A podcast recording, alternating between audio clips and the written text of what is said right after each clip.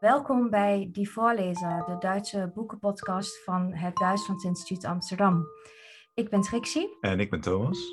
En uh, zoals elke aflevering bespreken wij een Duits boek, maar deze keer doen we het iets anders dan de vorige afleveringen.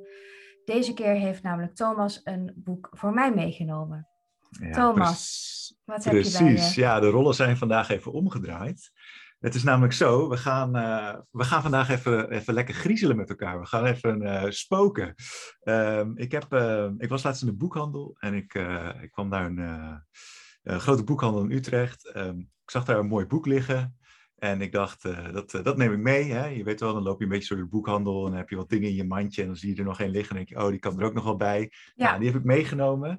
En uh, dat boek wat we vandaag gaan bespreken is Der Schimmelreiter. Nou, het is een Nederlandse vertaling. Het is in het Nederlands De Schimmelruiter. Nou hebben wij in Nederland een hele bekende schimmelruiter, maar ja, daar gaat het deze keer niet over. Die komt pas in december weer aan de beurt. Uh, nee, we gaan het vandaag hebben over uh, Der Schimmelreiter, zoals ik al zei. En dat is een uh, boek van Theodor Storm. En dat boek, het is eigenlijk een novelle, gepubliceerd in 1888. En um, Theodor Storm schreef dat ook in 1888. En dat is eigenlijk ook het laatste jaar waarin hij leefde. Theodor Storm, um, schrijver vanuit het realisme. Dat was een, een, een mooi, efficiënt laatste jaar voor uh, Theodor Storm. Ja, Dit is ja, volgens mij wel zijn beroemdste boek. Klopt, ja, ja. Die ging er met een klapper uit. Dus die, met, gelijk met zijn beroemdste boek. Wat nu nog steeds veel gelezen wordt, maar daar zal ik zo meteen nog wat meer over vertellen. Maar um, nou, ik zag het liggen en ik dacht, dat neem ik mee. En ik wil je er graag iets over, meer over vertellen. Want ik weet niet of je het gelezen hebt. Maar ik, ik vind het wel een mooi boek. En ik, ja, ik zou het leuk vinden als je het na deze sessie misschien ook gaat lezen. Nou, heel graag. Eh, ik ben heel benieuwd. Ik heb het ooit gelezen in mijn studententijd, maar dat is al een tijdje geleden. Um, ik denk zo'n 18 eh, jaar geleden misschien. In mijn eerste of mijn tweede jaar op de universiteit. En ik weet er nog wel iets van, um, maar nauwelijks nog hoe het verhaal ging. Dus ik weet dat er een soort van spanning zit tussen het realistische en het romantische in dit boek. Dus ik heb, ik heb een beetje de theorie daarvan nog uh, onthouden. Maar ehm, ik weet ook eigenlijk niet meer of ik het leuk vond of niet. Dus ik ben benieuwd hoe jij het uh, ook ervaren hebt. Nou. En waar het ook alweer over ging. Want dat ben ik ook een beetje kwijt. Griezelen, zei je al. Dus ja, we gaan wat. ja, klopt. We gaan een beetje griezelen. En, en uh, een beetje ook wel in, in, in onze traditie. Er wordt weer een pact met de duivel gesloten. Aha. Zo, dat is iets wat veel terugkomt bij ons in de boeken die wij lezen. Hè? Faust, Dr. Faustus, ook de Faust natuurlijk zelf ook. Maar er, er, er komt weer een, een, duivelspakje in voor. Maar daar zou ik, daar zou ik zo nader op ingaan hoe dat zit. Ik, wat zullen we doen? Zou ik eerst even vertellen um, wie, waar het zo'n beetje over gaat? Wat, wat het verhaal is? Um, en ja. dat we daarna een beetje op, op de theorie ingaan. Of nou, theorie, hè? Wat, over de interpretatie, hoe je dingen kunt opvatten. Misschien is dat wel leuk om het uh, zo even aan te pakken. Ja, ten eerste inderdaad, wie is die Schimmelruiter eigenlijk? Het is ja. dus niet Sinterklaas, dus wie is nee, het dan wel? nee, het is niet Sinterklaas. ja, ja, ja, wie is het wel? Nou, um, het boek uh, begint eigenlijk um, met, een, met, een, met een verhaal en een verhaal van een persoon. Uh, die vertelt iets over een verhaal dat hij heeft gelezen. En dat verhaal dat hij heeft gelezen, uh, daarin vertelt ook weer een persoon oh. een bepaald verhaal. Dus hè, misschien heb je het al wel een beetje door waar we naartoe gaan. Het is een raamvertelling. Uh, een raamvertelling. Dus wacht even hoor. Een verhaal van een persoon die een verhaal heeft gelezen. Ja, precies. Dus hij ja. vertelt wat hij heeft gelezen. Dus hij we weten al van begin af aan niet of we het wel kunnen vertrouwen. Ja, maar er komt er dus nog een laagje bij. Oké. Hij, hij vertelt wat hij heeft gelezen. Wat hij dus, waarin iemand iets vertelt. Goed, ik, ga even, ik begin even weer bij het begin. Het is dus iemand die uh, heeft in een klein boekje ergens iets gelezen. En dat is eigenlijk een reisverslag van een toerist. En die toerist, reiziger, die komt in een herberg. En in die herberg hoort hij het verhaal van een oude meester, docent, leraar. Die uh, een verhaal vertelt over de Schimmelreiter. Dat is die, de Schimmelruiter. Die vertelt dus een verhaal over een persoon um, die nu door het leven gaat als de Schimmelreiter. Nou, goed. Hm. Dat is even om mee te beginnen.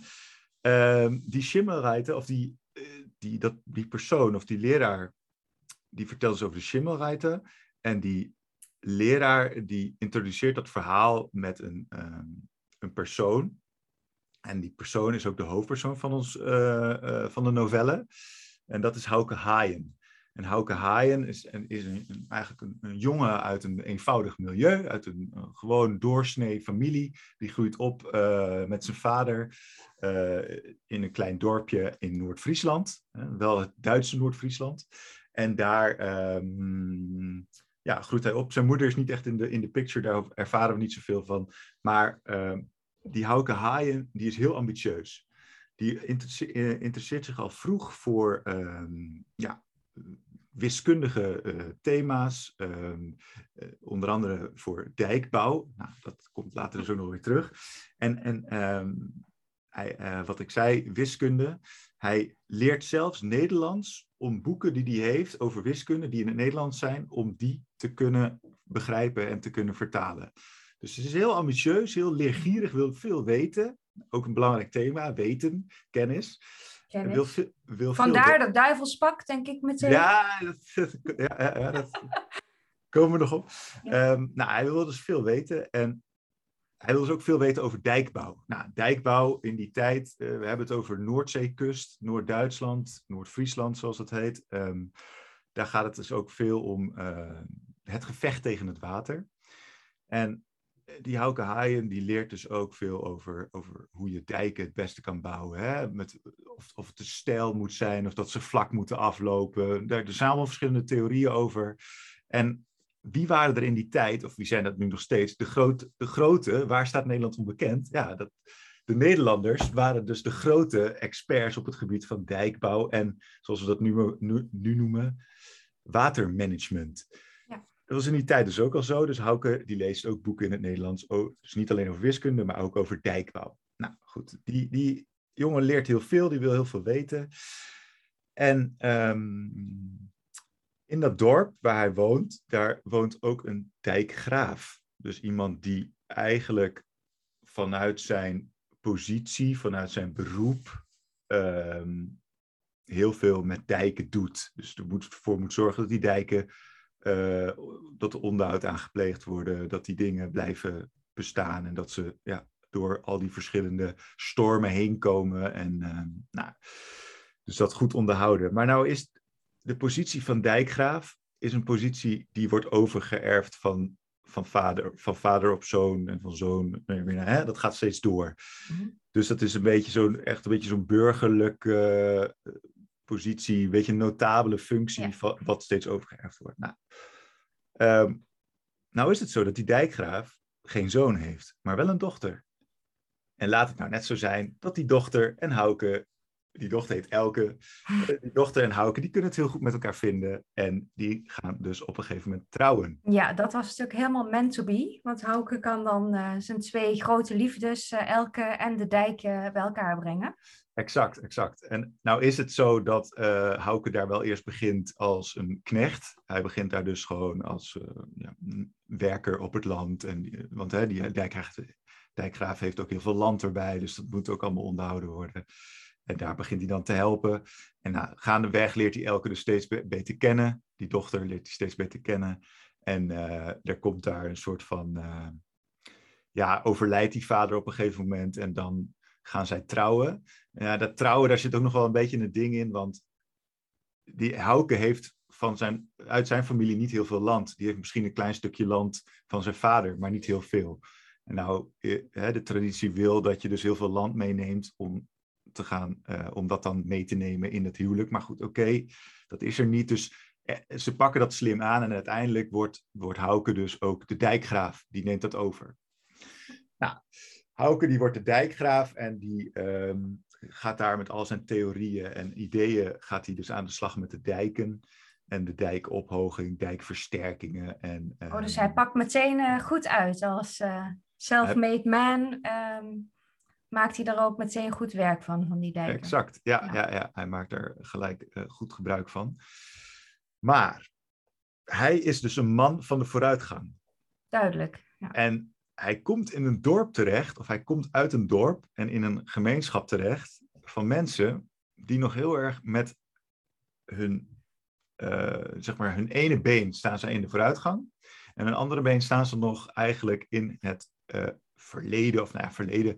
Meer het ehm,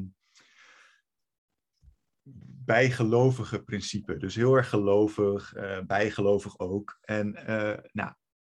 En daar... Hauke moet daar niks van hebben. Nee, eigenlijk. Hauke die, die, die doet daar niet zoveel mee. Die wil uh, eigenlijk door en die gelooft heel erg in de, in de wetenschap. En hier hebben we een mooie tegenstelling in, eigenlijk die in het hele boek wel een beetje naar voren komt. En dat is ehm, de tegenstelling tussen wetenschap en bijgeloof. En dat is dus een overkoepelend thema.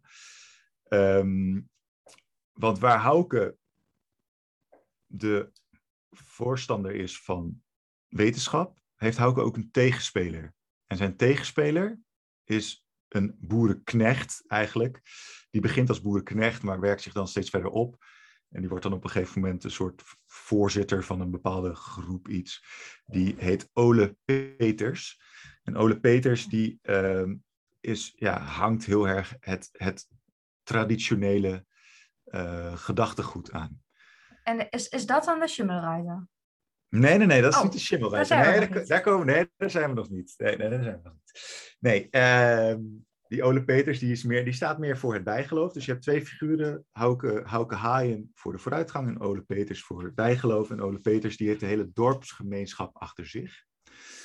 En nou heeft Hauke Haaien als grootste doel in zijn leven eigenlijk het bouwen van een nieuwe dijk. En een nieuwe dijk uh, om een grotere dijk om meer dan 100 jaar te blijven staan of over eh, ja, honderden jaren te blijven. En die nieuwe dijk, die, uh, ja, die gaat hem uiteindelijk ook opbreken. En uh, ja, die dijk die wordt, hem, die wordt hem eigenlijk ook fataal. En dat komt op een gegeven moment, dat, dan ga ik al een beetje naar, een, een soort, naar het einde toe van het verhaal. Het is niet een heel lang verhaal. En die dijk die breekt hem op omdat hij in het principe van uh, de wil. Hij wil heel erg, hij is zo ambitieus, hij wil zo graag die dijk bouwen. Hij vergeet daarin alle belanghebbers mee te nemen. Ja. Op een gegeven moment vergeet hij dus, hè, die, die Ole Peters, die biedt steeds meer weerstand en daarmee ook de dorpsgemeenschap. Die steeds het onderbuikgevoel, uh, het onderbuikgevoel van de gemeenschap uh, komt in opstand tegen de, uh, de verlichting en de vooruitgang. Precies, ja, ja en daar, daar geeft hij geen gehoor aan. Dus hij, ehm, hij gaat eigenlijk hij gaat te veel op in die, in die bouw, in die vooruitgang, in, in de wetenschap. En hij luistert niet meer naar de, naar de anderen. Ja, dus zijn, ehm, zijn geloof in de wetenschap uh, wordt ook een beetje een, uh, een oogkleppenverhaal. Hè? Dat hij alleen nog maar aan die vooruitgang denkt en vergeet wat, uh, wat het met de mensen om hem heen doet. En, en maar eh, even een vraag voor mijn begrip. Uh, uh, wat heeft dan bijvoorbeeld zo'n Ole Peters erop tegen? Ik bedoel, zo'n zo'n project van een dijk uh, die er 100 jaar staat, dat lijkt me toch iets waar het dorp vooral blij mee moet zijn. Wat is, wat is het bezwaar? Ja, hij wil, um, hij wil te snel. Dus het gaat erom dat, hij, dat Hauke te snel wil. En hij doet het waarschijnlijk, nou, nou, waarschijnlijk naar het idee van Peters, waarschijnlijk te veel um, voor eigen gewin want er wordt ook een, hij, die dijk die wordt gebouwd en er wordt ook een stuk land bij afgewonnen. En dan komen we bij, eigenlijk ook wel bij een belangrijk thema, wat, wat, wat uh, ook een soort van voorbeeld is um, van de, de kloof of de, de tegenstelling tussen wetenschap en uh, vooruitgang en uh, bijgeloof. Wetenschap, wetenschap bijgeloof. Um, dat is namelijk dat bij die dijkbouw, en dat is een soort traditie, en dat is een mooi, mooi, mooi element of een mooi stukje in het boek. Uh, is het de traditie dat bij het bouwen van een nieuwe dijk hoort er iets levendigs in oh, gegooid te worden. Dat is zo'n oude traditie, die kennen we inderdaad ook uit uh, Bijbelverhalen en dergelijke. Ja, dus die dan op een gegeven moment ook vaak overwonnen wordt. Hè? Van het, het, het, offer wordt vervangen door iets. Ja, nou ja, hier is het dus zo dat het, het offer was vroeger een kind. Of althans, uh, dat, dat, heb ik uit horen zeggen dat het offer vroeger een kind was. En dat het inmiddels vervangen is door een jong hondje. Um, en uh, ja, dus dat is wel een mooie scène waarbij Hauke Haaien dus ziet dat die, dat die dorpsbewoners die aan die dijk bouwen, dat die gooien er dan een hond in het gat en gooien er al steeds meer zand op. En dan zegt Hauke van nee, dat gaan we niet doen. En die haalt hem dan op een gegeven moment uit. En daarmee ja, roept hij natuurlijk ook al het kwaad op, uh, op zich uh, van de Ja. dorpsbewoners. Ja, dus hij redt het hondje, maar hij keert eh, daarmee iedereen eh, tegen zich eigenlijk. Ja. Ja, ja, ja. inderdaad. En, en nou zou ik, nou, nou kom ik even, eh, dan ga ik, want nu zijn we alweer wat verder in het verhaal. Dan kom ik even een stap terug, want ik zei net al duivelspact. Ja. En, en jij vroeg al, wie is nou die schimmelruiter? Ja, want dat Nou. is, eh, die is nog helemaal niet eh, langsgekomen Nee, die is, die is nog niet langsgekomen. Nee, nee, nee. Nou, het zit dus zo. Hauke Haaien gaat op een gegeven moment naar de stad toe. Of naar het dorpje. Stad noem ik het. Dorpje om een, naar een veemarkt te gaan. En op weg naar die veemarkt komt hij een... ehm, op weg terug komt hij iemand tegen. Die loopt daar met een paard. En eh, dat paard, dat is helemaal uitgemergeld. eh, lange haren, niet goed verzorgd. Ja, eigenlijk een beetje zo... eh, ja, een zak met botten, bij wijze van spreken, gewoon afgetrapt beest. En die Hauke Haaien, die zegt dan, nou, doe mij dat paard maar. Die, ik wil hem van je kopen, hoeveel is die waard? En hierin, eh, bij die koop, nou, die, hij is dus heel goedkoop. eh, en en, nou, dus Hauke Haaien besluit uiteindelijk om hem mee te nemen. En hier zijn mooie, mooie toespelingen op het duivelspact. Want hij koopt hem dus maar voor iets van 30 mark of zo, zoiets iets, iets in die trant. En als hij dan die, dat paard koopt en het geld overhandigt, dan lees je daar eh, dat hij dus dat geld geeft hij aan iemand en die persoon die heeft dan echt van die klauwen. Dus een Oh ja. beetje zo van, hè, als de duivel zou hebben, van die Ja. klauwen. En dan loopt hij weg met dat paard, met dit schimmel. En terwijl hij wegloopt, hoort hij ook een soort van duivels lachje. Oeh. Dus het, er, is ook, er is ook echt, wordt echt op toegespeeld van dat duivelse wat erin zit. Nou, en nou is het zo. Dan staat het paard en, en, en, en Hauke Haaien verzorgt dat paard fantastisch. Die krijgt hem altijd de beste voeding. Binnen de kortste keren is het... hij houdt een- wel van dieren, hè, die Hauke. Ja, hij houdt van die... Dat klopt, maar eh, hij vermoordt ook nog ergens een dier. Maar Oh, dat, eh, dat, eh, daar gaan we niet- verder op in. Maar hij houdt heel erg van dit dier. Ja, dat klopt. Oké. Ehm, hij houdt dus zo erg van het dier. Hij verzorgt het helemaal zelf. Hij krijgt dus de beste, eh, beste, beste voeding. En het wordt op een gegeven moment een fantastisch dier. Ehm, ziet er super mooi uit. Alleen, nu is het zo dat zijn knechten, zijn stalknechten, die willen dat, eh, die willen dat dier dus ook verzorgen.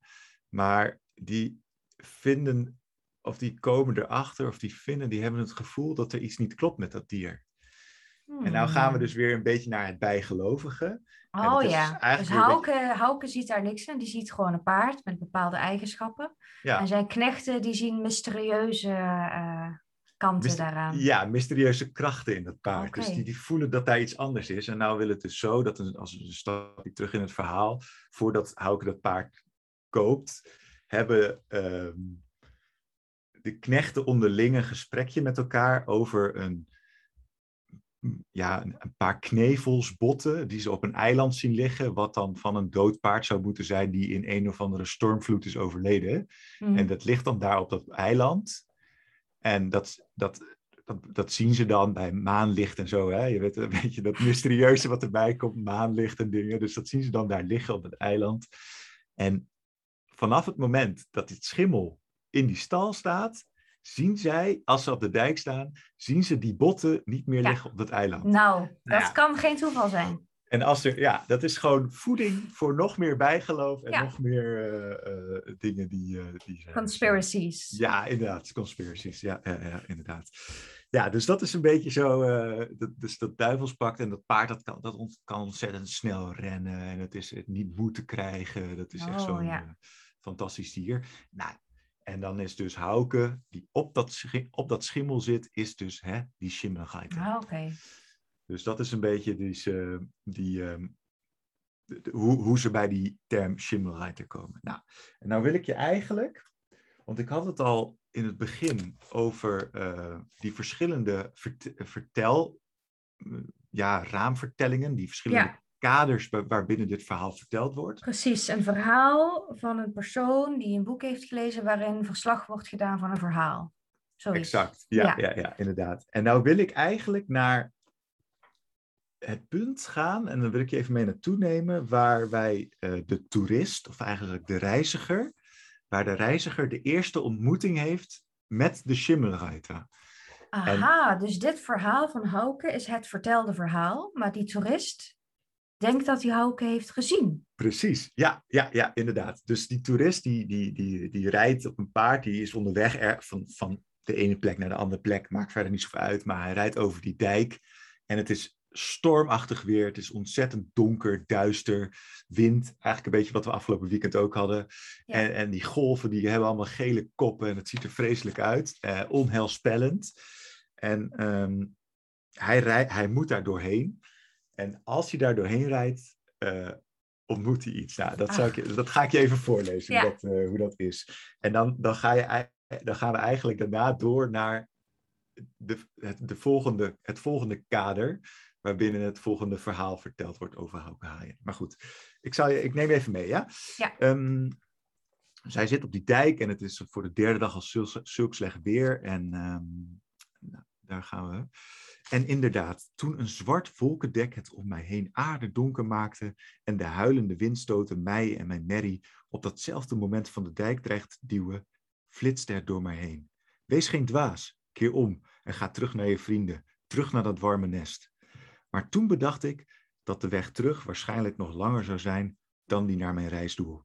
En dus draafde ik verder en trok de kraag van mijn mantel tot over mijn oren. Nu echter kwam mij op de dijk iets tegemoet.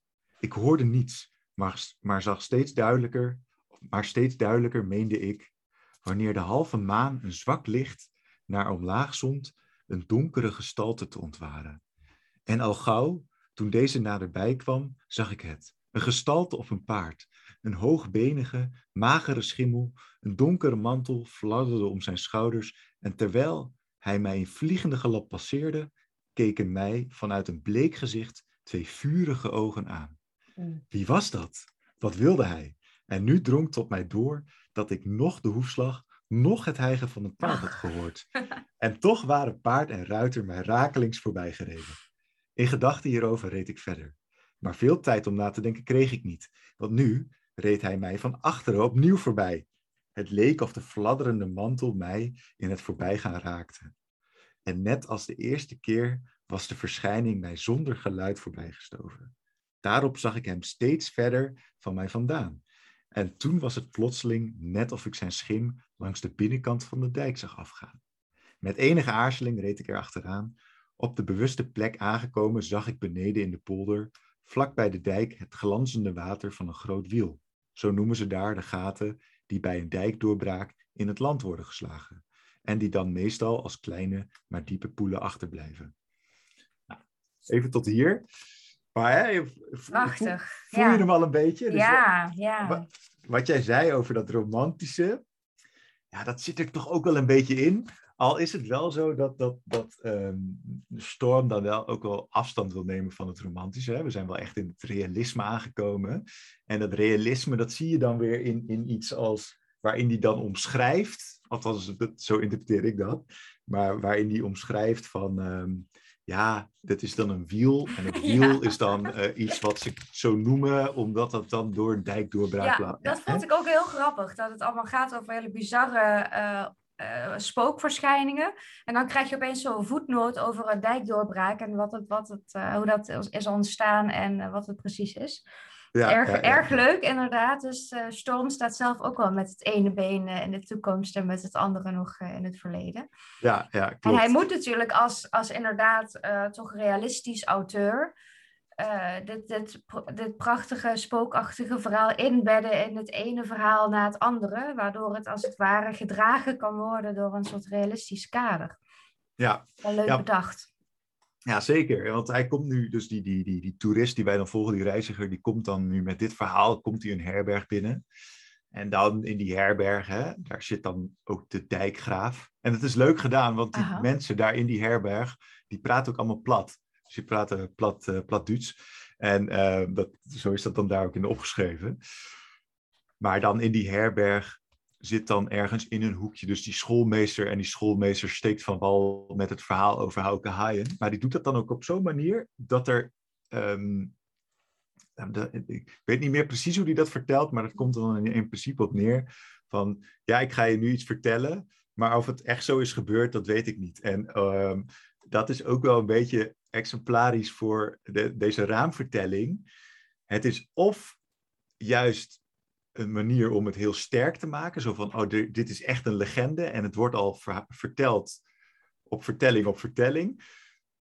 Of het is zoiets van, ja, ik heb het van horen zeggen en het stond in dat boekje en het is daar iets, ja. keer iemand verteld dat het zoiets is van, ja, ik neem best wel veel afstand van wat daar eigenlijk is gezegd. Dat kan natuurlijk ja, zo kunnen. Het is het natuurlijk ook allebei, hè. Het is en die, en die legende die, op, ik kan me zo voorstellen, daar in de regio heel belangrijk is, onderdeel is van die hele cultuur. En tegelijkertijd iets is dat in de loop van de generaties veranderd is en dat iedereen er een beetje zijn eigen draai aan heeft gegeven. Klopt, ja. ja. En, ehm, maar ik ben natuurlijk nu wel heel benieuwd naar Hauke Hayen. Want uh, hoe komt het dan dat hij zo'n spook wordt dan blijkbaar? Of wordt daar een verklaring voor gegeven in het boek? Waarom, uh, waarom moet hij daar nog zo uh, over de dijk rijden op zijn, op zijn schimmel? Ja, nou ja, als ik dat ga vertellen, dan vertel ik al wel iets over het einde. En ik weet niet, uh, ik weet niet of iedereen dat wil, maar ik zal, ik zal het dan maar gewoon even doen. Ik, uh, Anders moeten mensen nu stoppen met luisteren en het boek uh, gaan lezen. Ja, precies. Dat kan ook inderdaad. Dan, dan, vertel ik niks over de catastrofe waar het mee eindigt. Maar dan is het mm. dus even een spoiler alert. Ja. Uh, nou, het is dus zo, die Hauke, die... Um, die, die, die, is met, die heeft de, dat zijn kindje eigenlijk de nieuwe dijk apropos kind, hij krijgt ook een kind met Elke. En dat kind, uh, dat is zwakzinnig, gehandicapt. En dat zien de dorpsbewoners dus ook als een soort van uh, straf. Ja, ja, Dus weer bijgeloof. Maar goed, die, um, hij, hij, dat, die dijk, er, is een, er komt een stormvloed aan. Het gaat eigenlijk een beetje vergelijkbaar als het weer wat we nu, wat we net horen. Dus um, een stormvloed komt eraan en het, het water staat heel hoog. En um, de nieuwe dijk is gebouwd, die is klaar. En hij gaat daar naartoe om het, hè, de dijkinspectie te doen. Ja, nu, moet soort... nu moet de nieuwe dijk zijn waarde bewijzen. Dat is ja, maar wat ziet hij? Wat ziet mm. hij daar op die dijk? Hij ziet dat dorpsbewoners die dijk aan het doorsteken zijn. Nee. Zodat uh, zij denken dan, als we deze dijk doorstreken, dan gaat het water daarheen. En dan gaat het water niet naar de oude dijk. De oude dijk moet dan het dorp beschermen. Nou goed, uh, Hauke die komt daar, die, die treft dat aan, dat, wat ze daar aan het doen zijn. Uh, volgens mij een opdracht gegeven door die Ole Peters, dus de mm -hmm. Die treft dat aan en die zegt, ja, wat zijn jullie hier in godsnaam aan het doen? Dit is niet de bedoeling. Ga eens even heel snel uh, wat, wat anders doen. Stop daarmee, ja. ja. ja. En nou, de, eigenlijk al te laat. Mm. Die dijk die houdt het wel, dus dat, is, dat houdt wel. Maar tegelijkertijd, terwijl dus daar het goed gaat, breekt die oude dijk door op, precies op de verbinding met die nieuwe dijk. Dus die twee dijken die zijn aan elkaar gemaakt, maar precies op dat stuk waar de verbinding is tussen de oude en de nieuwe dijk, daar breekt het door. En dat is wow. zo, zo mooi gedaan. Want het is, zijn dus weer die twee werelden hè, die op elkaar komen. Dus die oude dijk die voor het verleden staat en die nieuwe dijk die voor uh, progressie, vooruitgang. Ja, en je kan dus ook niet zeggen waar de schuld ligt, zeg maar, wat, uh, wat er precies mis is. Het is de verbinding die dan niet werkte. Ja, ja maar Hauke ja. Haaien rekent dit zich heel erg aan. En die ziet zichzelf dus wel als schuldige. Want in die stormvloed komen ook zijn vrouw en kinderen dood. Ach. Of zijn vrouw en kind. En dat ziet hij ook uh, van een afstand. En uh, wat hij doet, hij stort zich dan met schimmel en al in dat gat van die dijk en in de, in de golven. En nou ja, dat, wat daar gebeurt, dat, dat kan je wel raden. Dus die, die komt te overlijden en zijn spook, zijn, zijn geest, die, die blijft dus met slecht weer over die dijken ja. heen en weer rijden als een soort van dijkwachter die... Die nooit zijn rust vindt. Uh, ja. Precies, wow. precies. Ja, ja, dus dat is... Uh, ja, volgens mij, het is een legende en volgens mij... Um, is dat nog steeds, is, is het daarom ook nog steeds, wordt het ook nog veel gelezen, is het nog steeds een soort van legende die bij die regio hoort. Prachtig, ja. Nou, ik was dus inderdaad heel veel vergeten. Ik wist wel nog inderdaad die scène die je ook voorlas, daar kon ik me nog wel iets van herinneren. Maar dat, uh, wat er dan precies met die dijk dan misging en zo, dat uh, was ik helemaal kwijt. Dus uh, ik ga het zeker nog wel een keertje erbij pakken. Het is heel leuk om, om zo te horen. Ja. En je zei al, het wordt dus nog steeds heel veel gelezen. Um, en uh, daar wil ik eigenlijk ook nog wel iets uh, over vragen, want je bent ook docent Duits. je bent, je bent zelf ook uh, meester. Hè? Uh, ben je nou van plan dit ook met leerlingen te bespreken? En als er misschien ook docenten Duits luisteren, wat zou je wel en niet hierover willen overbrengen aan leerlingen? En hoe, hoe zou je dit aangaan? Ja, ik denk, ik zou, ja, ik zou het wel willen lezen. Het is een beetje, ik zit dan ja, heel praktisch te denken, waar, waar, in welke klas ga je dat doen? Ja. Dus um, maar goed, ik denk uh, bovenbouw is het absoluut uh, wel te doen.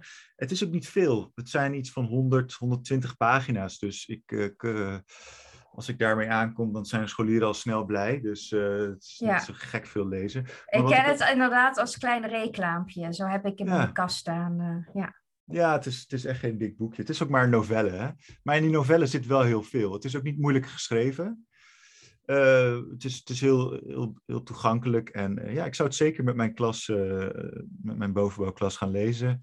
Ja. En ik, ik vind het juist ook wel leuk om te zien hoe. Um, ik, ben, ik ben van mezelf een beetje een romanticus. Hè? Ik hou een beetje van dat iets met een diepere betekenis, een beetje zo dat verhevene wat erin zit. En, en dit is toch wel echt een, een realistisch verhaal, of een, een verhaal wat kenmerkend is voor het realisme. Door, ja. door dat, dat kleine burgerlijke leven te, besch eh, te beschrijven, de dingen zoals ze zijn, maar tegelijkertijd ook wel die nood van bijgeloof. Ja, precies. Je kan het bijgeloof niet onderdrukken. Of je kan het wel proberen. Je kan wel proberen de mensen hè, mee te nemen en alleen maar die vooruitgang en alleen maar die wetenschap. Maar er blijft dan altijd wel iets achter. En inderdaad, Hauke die wordt dus blijkbaar uiteindelijk ook boos op zichzelf. Dus er zit bij hem ook wel zo'n inzicht van, hè, ik had toch iets ook anders moeten doen. Of ik had toch de mensen meer moeten meenemen op de een of andere manier. Nou ja, je ziet eigenlijk dat een soort uh, ja, hoogmoed, um, hij, wil, hij wil te veel en hij is te veel, uh, te ambitieus. En ja, dan zie je dat dat dan uiteindelijk ook uh, een soort van ja, bestraft, wil ik niet zeggen, maar ook noodlottig zal zijn. Ja. Um, is dat dan een beetje de moraal van het verhaal, denk je? Ik, of gaan we dan te ver? Ja, dat zou, zou, zou je wel kunnen stellen. Ja, er zitten nogal wat dingetjes in, maar deze is ook wel, uh, is wel een goede om, uh, ja. om in, inderdaad te, erbij te houden. En, en ik zit er nu aan te denken, te veel willen, dat doet me ook alweer aan een andere uh, literair figuur denken. Faust, die wilde toch ook uh, zoveel? Ja. Maar goed, dat is even weer... Ja, nee, inderdaad. De hoogmoed is natuurlijk hier en al een rode vlag aan het begin van, van wat je vertelde. Hè?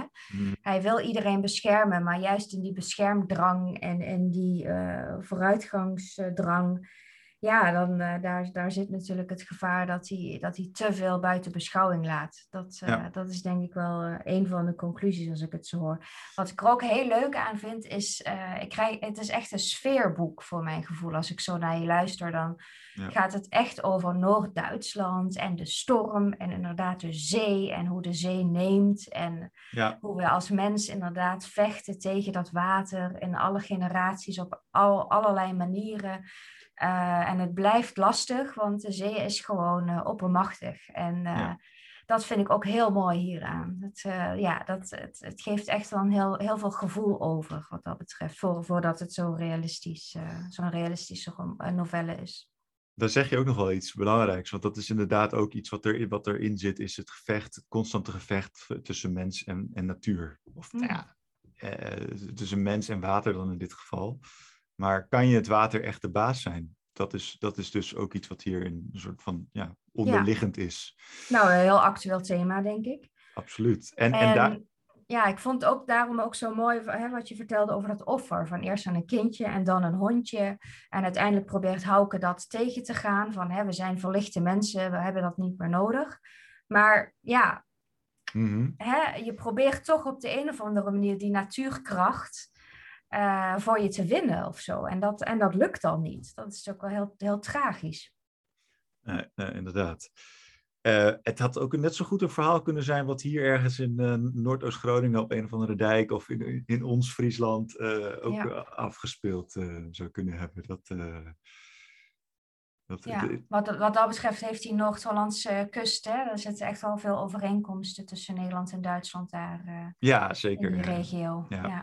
Ja. Nee, dat is natuurlijk ook waar ik vandaan kom. Hè. Dus ik zie ook wel iets. Uh, Ja, je herkent het wel? Ja, nou ja, het, als we dan vroeger altijd naar mijn opa en oma gingen, dan gingen we ook altijd even over de dijk lopen. En dat is toch wel, als je daar dan al die kwelders ziet en, en dat land wat dan zeg maar tussen dijk en wat daarna echt zee is, dat is, ja, als het dan flink waait, dan, dan, dan spookt het daar ook wel. Ja, eh, dat, ja. Dat, uh, dus het spookachtige, dat, uh, dat herken je wel. Ja, gewoon hele dorpen die weggevaagd, weggevaagd worden bij een, uh, bij, een, bij een dijkdoorbraak of überhaupt. Dus dat, dat, dat zit er wel in, ja. Ja. Nee, dus al met al, als je, als je het boekje nog tegenkomt of je hebt het stiekem nog in de kast staan, uh, pak het ja, erbij. ik ga het zeker nog eens, uh, nog eens erbij pakken. Ik heb hem waarschijnlijk op de stapel reclaampjes inderdaad uh, nog gaan liggen. Dus nee, heel erg bedankt. Ik vond het heel leuk om naar te luisteren. Ik zag het helemaal voor me. Dus ja, prachtig verhaal. En inderdaad met, met een mooie boodschap, denk ik. Mooi zo. Nou, fijn. Dan tot de volgende keer. Yes, tot de volgende. Doeg.